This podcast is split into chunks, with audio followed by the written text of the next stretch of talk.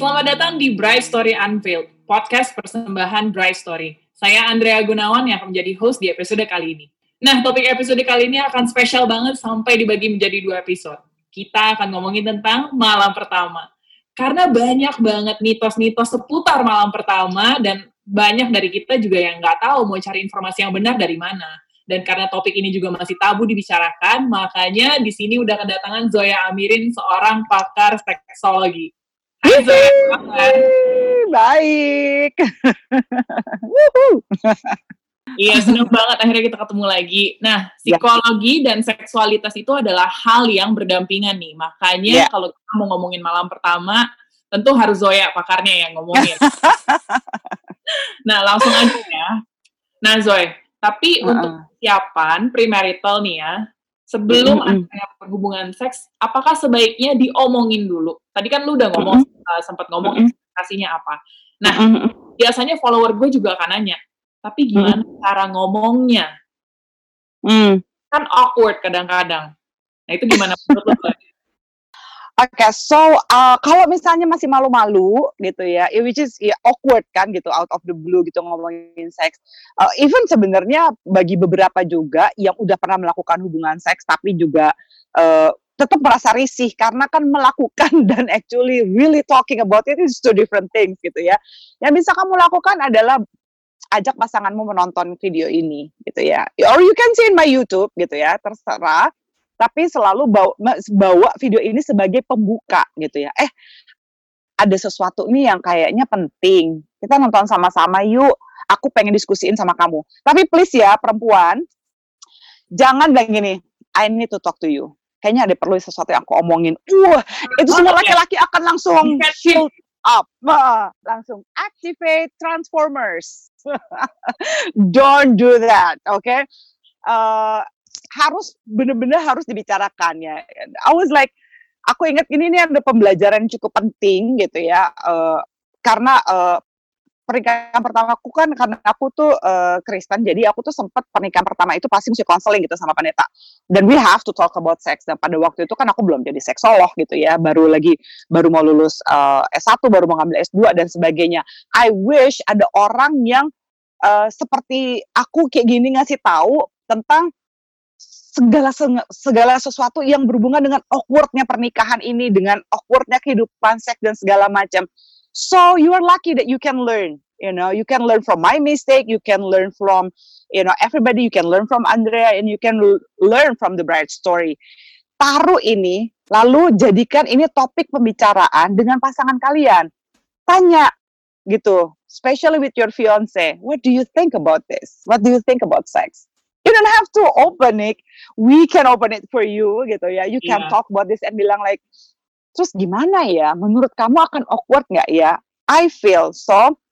Belajarlah mengkomunikasikannya secara asertif. Not saying what you think, but say how you feel. Kayak misalnya, aku grogi, ya. Karena kalau kita mampu membicarakan hal-hal yang vulnerable di dalam kehidupan eh, relationship kita, relatively pernikahan kita akan lebih bahagia loh dibandingkan mereka yang nggak mampu being vulnerable. Karena being vulnerable it, it's the whole crazy level. Kayak gini, Itu kita bisa intimasi banget. telanjang. Itu intimasi banget. Kita bisa telanjang ya di depan pasangan kita, tapi telanjang secara emosi nggak semua orang sanggup melakukannya loh. Even sama orang yang dia cinta banget. So be vulnerable. Karena gua percaya ya, uh, my failed marriage tell me a lot about love. Bahwa ya, if you wanna feel love, you have to feel vulnerable and safe at the same time. That was like, ya, kalau Iya. kita vulnerable doang dalam pernikahan, ya itu susah. Tapi ketika kita bisa vulnerable, pasangan kita itu bisa membuat kita merasa aman di saat kita paling vulnerable. It work like hell. Kayak menghadapin apa juga di kehidupan pernikahan, most likely you're gonna be a great team gitu ya. Kalau dari awal udah tahu dia nggak bisa diajak ngomong soal seks kayak begini, mau diajak ngomong apa-apa awkward, apaan sih sayang udahlah gini aja gitu aja. Diskusi ini nggak cukup bisa diajak diskusi itu, Iya, ya. nggak bisa diajak diskusi. Aduh, apalagi diajak ngomong yang lain-lain. Yakin masih mau nikah? Mungkin cari yang lain. Oke, Kalau- nah dapetin patah hatinya ntar tanya sama Andrea.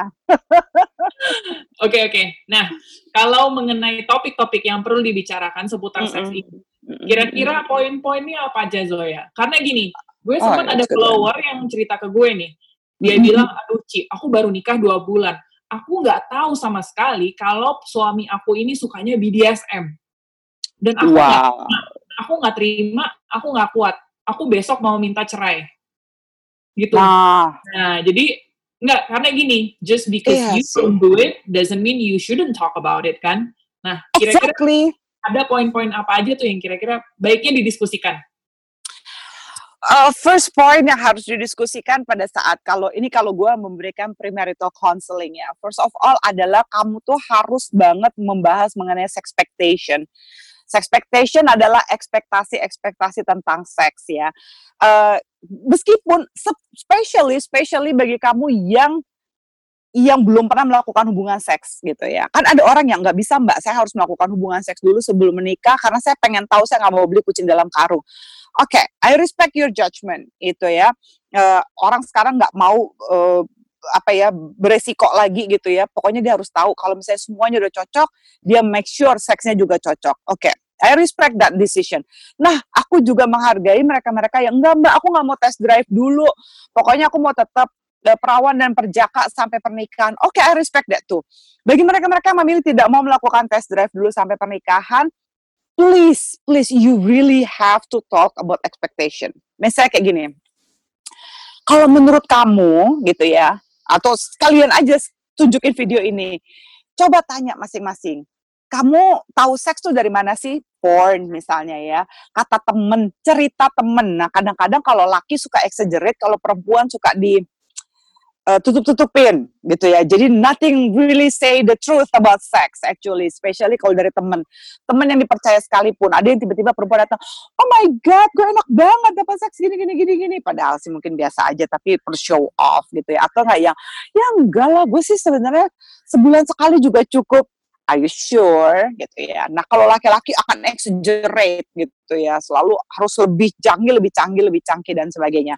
Nggak ada orang yang benar-benar berbicara secara jujur tentang seksualitasnya.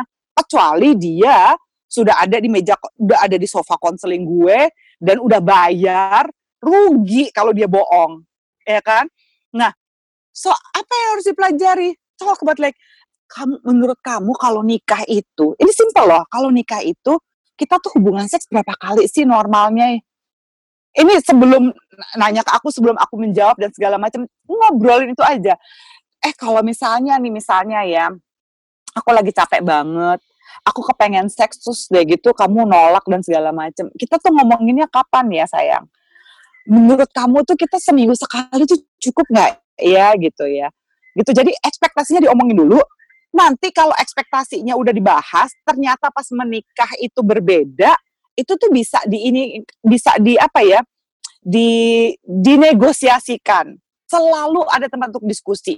Tapi jangan pernah bilang yang aku mau ngomong. Aduh jangan. Bilang aja gini kayaknya ada sesuatu deh yang aku pengen diskusiin aku pengen tanya pendapat kamu. Which is sebenarnya sama cuma bikin laki-laki itu less defensive ya dan jangan juga bikin tegang dengan ngomong kayak gitu. Laki-laki tuh langsung blok langsung tiba-tiba nggak bisa mikir gitu kalau dibilang gini. Ada aku mau ngomong sesuatu. Aduh gitu udah panik deh. Nah terus uh, gimana dong kalau misalnya uh, udah di ngomongin ekspektasinya apa uh, fantasinya dan sebagainya. Lalu bagaimana nih apa kabar dengan si BDSM lalu apa kabar dengan uh, lavender marriage ya? Lavender marriage itu adalah mereka seorang homoseksual yang menikah dengan heteroseksual Oke, okay, kalau di perjalanan pernikahan tiba-tiba salah satu merasa menjadi homoseksual, tapi terus terang ya, nggak fair kalau dari awal kamu ternyata adalah seorang homoseksual, lalu kamu sengaja menikahi uh, mereka yang heteroseksual dengan harapan bahwa orang-orang udah tenang, nanti ujung-ujungnya akan bercerai juga, itu jahat sih, ya. Gue nggak mengecam gue gak mengecam kaum homoseksual, you know, you know, gue sangat-sangat membela kemanusiaan ya, siap apa pun orientasi seksual lo. Tapi kalau lo adalah homoseksual, gue tahu pressure kalian besar dan sebagainya. So untuk mendapatkan pencitraan gitu, kalian lebih oke. Okay. Nah kalau yang bisexual masih oke, okay, tapi yang homoseksual it's hard. Please don't lie. Ya. Memulai sebuah pernikahan dengan kebohongan itu tuh kejam banget. Tapi banyak loh mereka-mereka yang tetap bersedia menikah dan tetap mengaku kita lavender marriage aja ya gitu. Aku hanya bisa memberikan segini dari kehidupan seksual aku yang bisa kamu harapkan dari aku ada. Ada nggak yang berhasil? Ada. Gitu. Jadi trust your partner gitu ya. Ini sebuah pernikahan ini bukan permainan gitu ya. Nah kalau okay. misalnya bagi mereka yang BDSM you cannot choose siap dengan siapa kamu jatuh cinta. Tapi gitu ya, ketika kamu punya ekspektasi tertentu, sebenarnya itu bisa dikonseling dulu sebelum pernikahan. Ada beberapa kok Andrea, gue itu melatih pasangan-pasangan yang bukan BDSM untuk ketemu di tengah. Itu jadi kalau niat banget ya, tapi nggak bisa lo sengaja nikah berharap bahwa pasangan lo akan harus nerima lo sebagai submissive ataupun sebagai dominan. It's not fair itu bisa dikonselingin dan bisa ketemu di tengah kalau kata Barry McCarty good enough sex we can we can meet in the middle gitu to work things out Nah, berarti yang gue tangkap adalah ngomongin ekspektasi dulu sebenarnya. Ekspektasi itu termasuk tadi frekuensi dan juga fantasi. Karena kalau frekuensi itu juga uh, dari follower gue yang tadi tempat bahas uh, sexless marriage misalnya. Karena nggak diomongin ekspektasinya nanti kalau udah nikah juga kita akan berhubungan setiap hari. Tapi iya. ada pasangannya yang menganggap enggak seminggu sekali cukup. Jadi hmm. memang harus banget untuk diomongin. Ya, ekspektasi, frekuensi sama itu tadi uh, preference. Apakah aku suka BDSM? Aku suka yang seperti apa? Preference itu juga matters tiga hal itu sih. Iya. True. Nah, menurut lu nih Zoya ya, untuk mm -hmm. brides gimana cara cari sumber informasi yang tepat dan benar? Mm -hmm. Supaya nggak kemakan mitos-mitos kayak gini lagi. Apalagi ntar ah katanya ini nanti begini katanya begitu. Oke. Okay. uh, eh, sekarang kan di era ini apa you have information on your hands ya kan ya? Carilah orang yang kredibel bener-bener untuk membicarakan mengenai seksualitas. Jadi kayak gini uh, lo nggak bisa misalnya gitu ya untuk memahami tentang perkembangan sperma dan uh, kejantanan pria itu kepada seorang dokter ahli kandungan dong. Ya kan, misalnya uh, lihat kredibilitasnya dia bukan hanya karena dia ngetop. Nanti kita ketipu lagi kayak jadi Susanto gitu ya. Just don't do that gitu. So uh, kita harus benar-benar ngelihat uh, kredit uh, apa namanya uh, latar belakang pendidikannya orang itu gitu dokter kandungan itu akan membantu Anda gitu ya sehubungan dengan uh, kesehatan reproduksi perempuan. That's it. Ya. Nah, sementara kalau kita mau berbicara mengenai kesehatan seksual pria, biasanya yang berbicara adalah ahli andrologi gitu atau uh, apa ahli urologi ya. Nah, kalau yang bisa dibilang seksolog rata-rata belakangnya itu pasti ada gelar seperti yang gue punya, FIAS ya. FIAS itu adalah Fellow Indonesian Association of Sexologists gitu, di mana ini adalah asosiasi di bawah Asosiasi Seksologi Dunia ya yang memberikan sertifikasi uh, khusus kepada mereka-mereka yang berhak men menjadi seksolog. Meskipun sudah S2 dan segala macam, nggak semua orang bisa menjadi seksolog gitu. Itu aja dipilih dan sebagainya. Jadi lepaskan diri Anda dari mitos dengan melihat kredibilitas orang itu. Kayak misalnya simpel deh, uh, kalau misalnya ada jalan tol, ya, uh, atau flyover, yang ngebangun itu adalah um, misalnya uh, ahli kebidanan gitu, bukan insinyur. Takut nggak sih jalan tolnya gitu?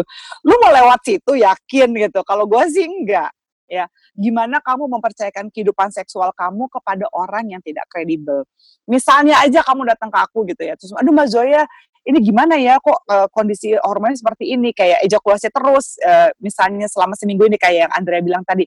Oh iya itu biasanya uh, saya akan merefer kamu ke androlog dulu suami ke androlog ya lalu dia melakukan pemeriksaan nanti biasanya androlog yang saya sarankan juga adalah seksolog gitu. Kita biasanya akan konseling bersama untuk membantu perilaku seksualnya dan kesehatan hormonnya. Jadi selalu cek kredibilitas latar belakang pendidikannya orang yang berbicara mengenai apa pun itu gitu ya. Di berbicara seksologi, uh, ekspertisnya gitu. Jadi meskipun dia S3, doktor psikologi, bukan berarti dia psikolog gitu. It's really important, really important. Find your Yeah. credibility. Nah, ini ngomongin tentang premarital counseling sama premarital check-up. Menurut lu Aha. seberapa pentingnya dilakukan? Kalau counseling berarti sama eh, kayak lu psikolog, kalau check-up berarti Mm, harus mm, harus dicek misalnya Yes. ada tokso, apakah subur atau banyak dari segi medis misalnya. right? Uh, ini nomor satu paling penting banget, lebih penting dibandingkan ada seorang hakim yang mengatakan ya, gitu.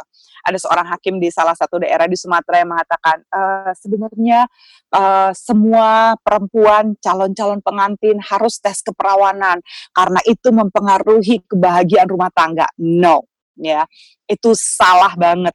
Dia mengatakan bahwa sudah banyak orang yang perceraian Eh, terus udah gitu eh, eh, karena eh, perempuan yang nggak perawan gila sekali lagi diobjektifikasi kita karena kita nggak perawan katanya itu mempengaruhi atau eh, apa membuat menjadi penyebab terjadinya perceraian itu kayak gue memurka Itu banget sih sama tuh hakim tuh kayak gitu ya.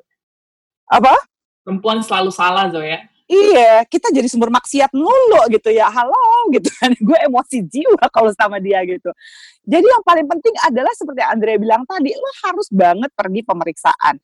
You know what? The good news kalau kamu tinggal di Jakarta ya semua puskesmas di Jakarta eh, aku belum muat sih di YouTube aku tapi nanti bisa lihat semua puskesmas di Jakarta sudah dipersiapkan ya secara komprehensif termasuk konseling psikologinya bagi mereka-mereka yang akan menikah. Jadi kalau mau dibawa kalau mau ke departemen agama sebelum mendaftarkan diri untuk menikah baik kamu muslim, Kristen atau apa pun. Cuma kalau ke Kristen kebanyakan mereka suka udah ada di gereja dulu kan ya gitu.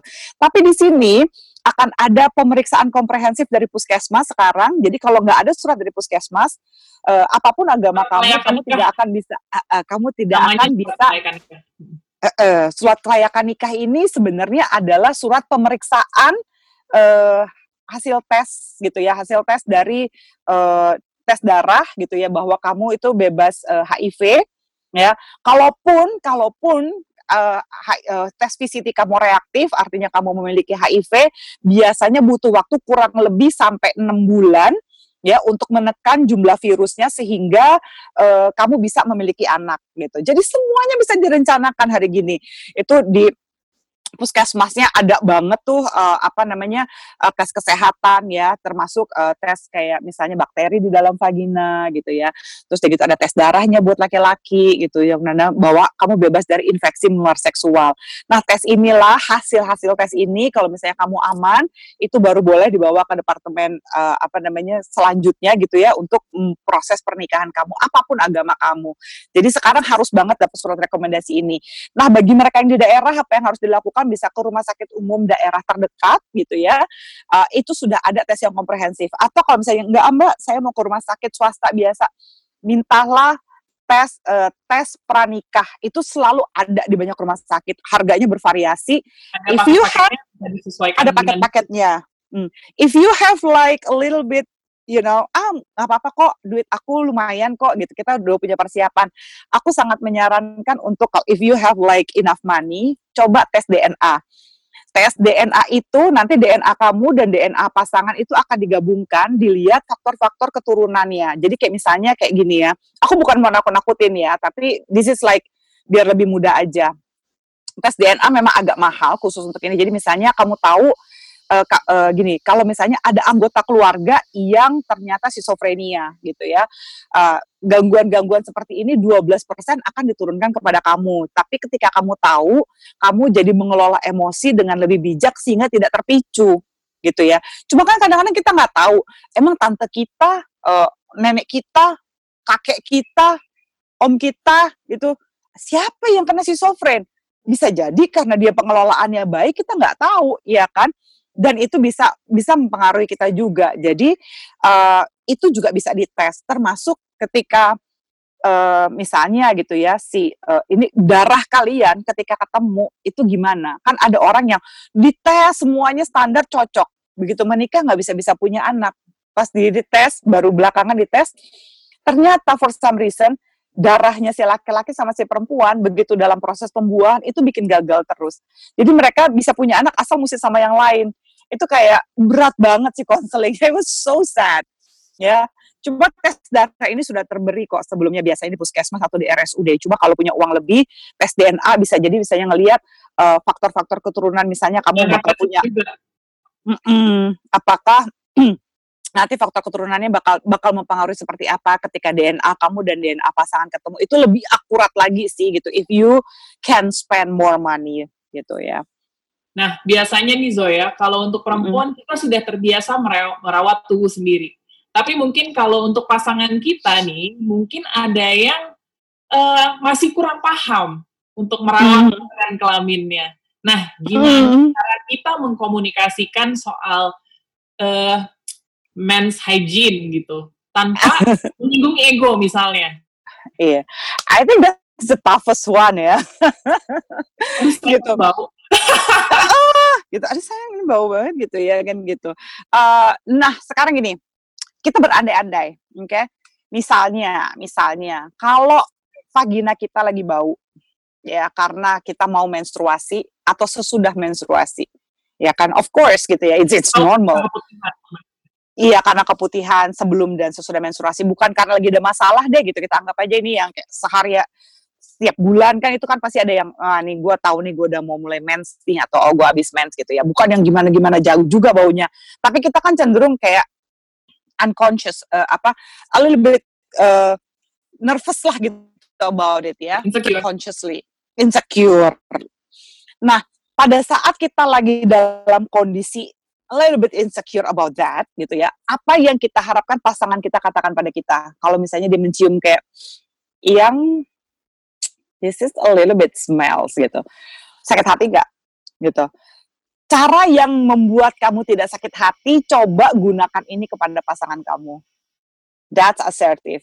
Ya, kayak misalnya uh, ini deh yang yang beberapa kali gitu walaupun gak selalu jadi masalah tapi kayak misalnya gini aduh mbak mau ngasih oral seks dia ini uh, bulu-bulunya lebat sekali ya megelin deh gitu.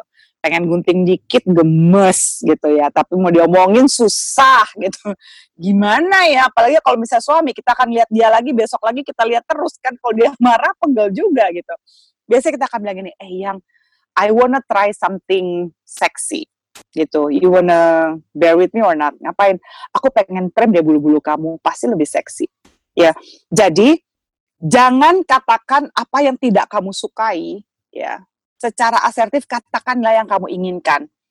Apa sih yang membuat dia jadi lebih seksi kalau misalnya dia di kalau misalnya dia dicukur atau kalau misalnya dia uh, dia merawat misalnya gini yang gitu ya. Kebanyakan untung laki-laki Indonesia tuh sudah disunat gitu kan. Tapi akan ada beberapa laki-laki yang juga tidak mau disunat. Yang which is lebih PR lagi kan membersihkannya.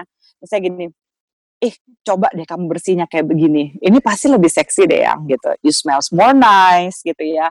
Dan ini juga lebih oke okay, gitu ya. Kalau misalnya kamu uh, membersihkannya ini kayak gini gitu ya. Atau kamu misalnya mencuci tangan dan segala macam. I think it's more sexy. Dan kalau misalnya kamu lihat dia melakukan itu, kasih positif reinforcement seperti kecupan di pipi dan sebagainya. Itu akan membuat si pria melakukannya lagi gitu kan ya. Pengulangan gitu ya. Jadi kita selalu memberitahu apa yang kita inginkan kayaknya ya kalau aku trim sedikit ini seksi deh gitu. Karena kalau kita bilang ini aku nggak suka warna pink itu lah selain warna pink ada berapa juta warna di dunia ini? It's not make your partner understand what you want. So telling them how you look them sexy gitu loh oh my god yang kalau ini dipotong sedikit ini atau misalnya dibersihin sedikit kayak gini kalau wanginya kayak begini keren deh yang nggak ada orang yang tersinggung kan jadi misalnya uh, kayak misalnya uh, vagina lagi bau gitu ya, vaginanya lagi uh, bukan bau yang gimana-gimana banget kayak misalnya sebelum menstruasi atau sesudah menstruasi gitu ya. What you can do adalah misalnya ketika lagi sedang lagi insecure dan sebagainya lalu uh, suami ngerasa kayak hmm, kamu lagi nih ya iya nih aku lagi nggak nyaman banget kayaknya aku bakal menstruasi. Can we uh, bisa nggak kita menunda oral seks setelah ini gitu ya? Aku merasa nggak nyaman aja gitu.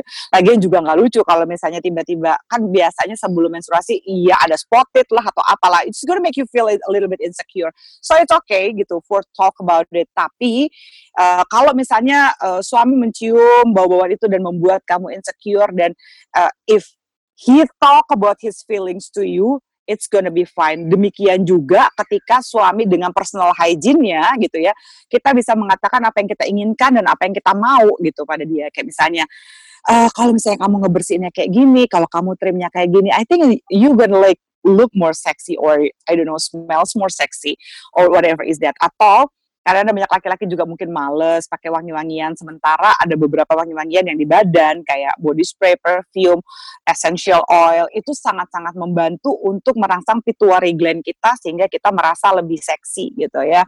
Nah, kalau yang juga misalnya pasangan menginginkan seperti itu kan juga kita nggak akan merasa insecure kayak misalnya, eh kalau misalnya you smells like this gitu ya, kamu pakai essential oil ini gitu ya misalnya di belakang telinga dan sebagainya bau-bauan itu kan juga menambah rangsangan seksual gitu dan uh, it will be good gitu kalau misalnya pasangan kita mengatakan apa yang mereka inginkan dibandingkan apa yang mereka pikirkan saat ini tentang kita gitu. So just Jadi be assertive. Komunikasi terbuka dan asertif dan yeah. juga ada positive reinforcement. Yes. Jadi untuk apa ya membangun hubungan yang lebih sehat juga sebenarnya. Yeah. Jangan cuma dropping hints. Yes. Nggak ada yang bisa mecahin kode zaman sekarang soalnya. Atau dropping lagi lebih kayak jangan ngebanding-bandingin juga. Coba lihat yes. deh. Ini di sini di film ini dia begini. Itu kan sama aja kayak nyindir ya enggak? Tuh coba kayak gitu ini ada yang ini loh kamu beli dong kamu ini dong kamu begini dong It's like don't don't don't do that just don't do that yeah. Thank you banget Zoya udah ngobrol-ngobrol. Semoga para brides mendapatkan jawabannya tentang malam Amin. pertama. Jadi nggak bingung. Any last yeah. Um, say what you mean and mean what you say gitu ya. Uh, selalu selalu jadi orang yang cobalah untuk selalu asertif. Asertif itu perlu latihan gitu ya. Uh, aku juga masih latihan setiap hari gitu being an assertive person gitu ya. Katakan apa yang kamu mau dan bermaksudlah dengan apa yang kamu katakan. Uh, uh, be assertive because uh, be assertive person it means you stand for your right without hurting others gitu. You deserve to be happy your vagina deserve to be happy ya kan? Your uh, malam pertama itu it's it's deserve to be memorable gitu tapi without like too much expectation gitu. Just enjoy the flow uh, relax gitu ya dan apa pun kamu rasa nervous dan segala macam berusahalah untuk menjadikan pasangan kamu itu tim ya yang bisa membantu kamu menenangkan kamu if you allowed gitu. Okay. ya. Yes, thank you, thank you, you're welcome. Oke okay, Bright, jangan lupa terus stay tune di Instagram dan Spotify Bright Story untuk nonton dan dengerin Bright Story Unveiled, the podcast. Saya Andrea Gunawan, pamit dulu. Bye!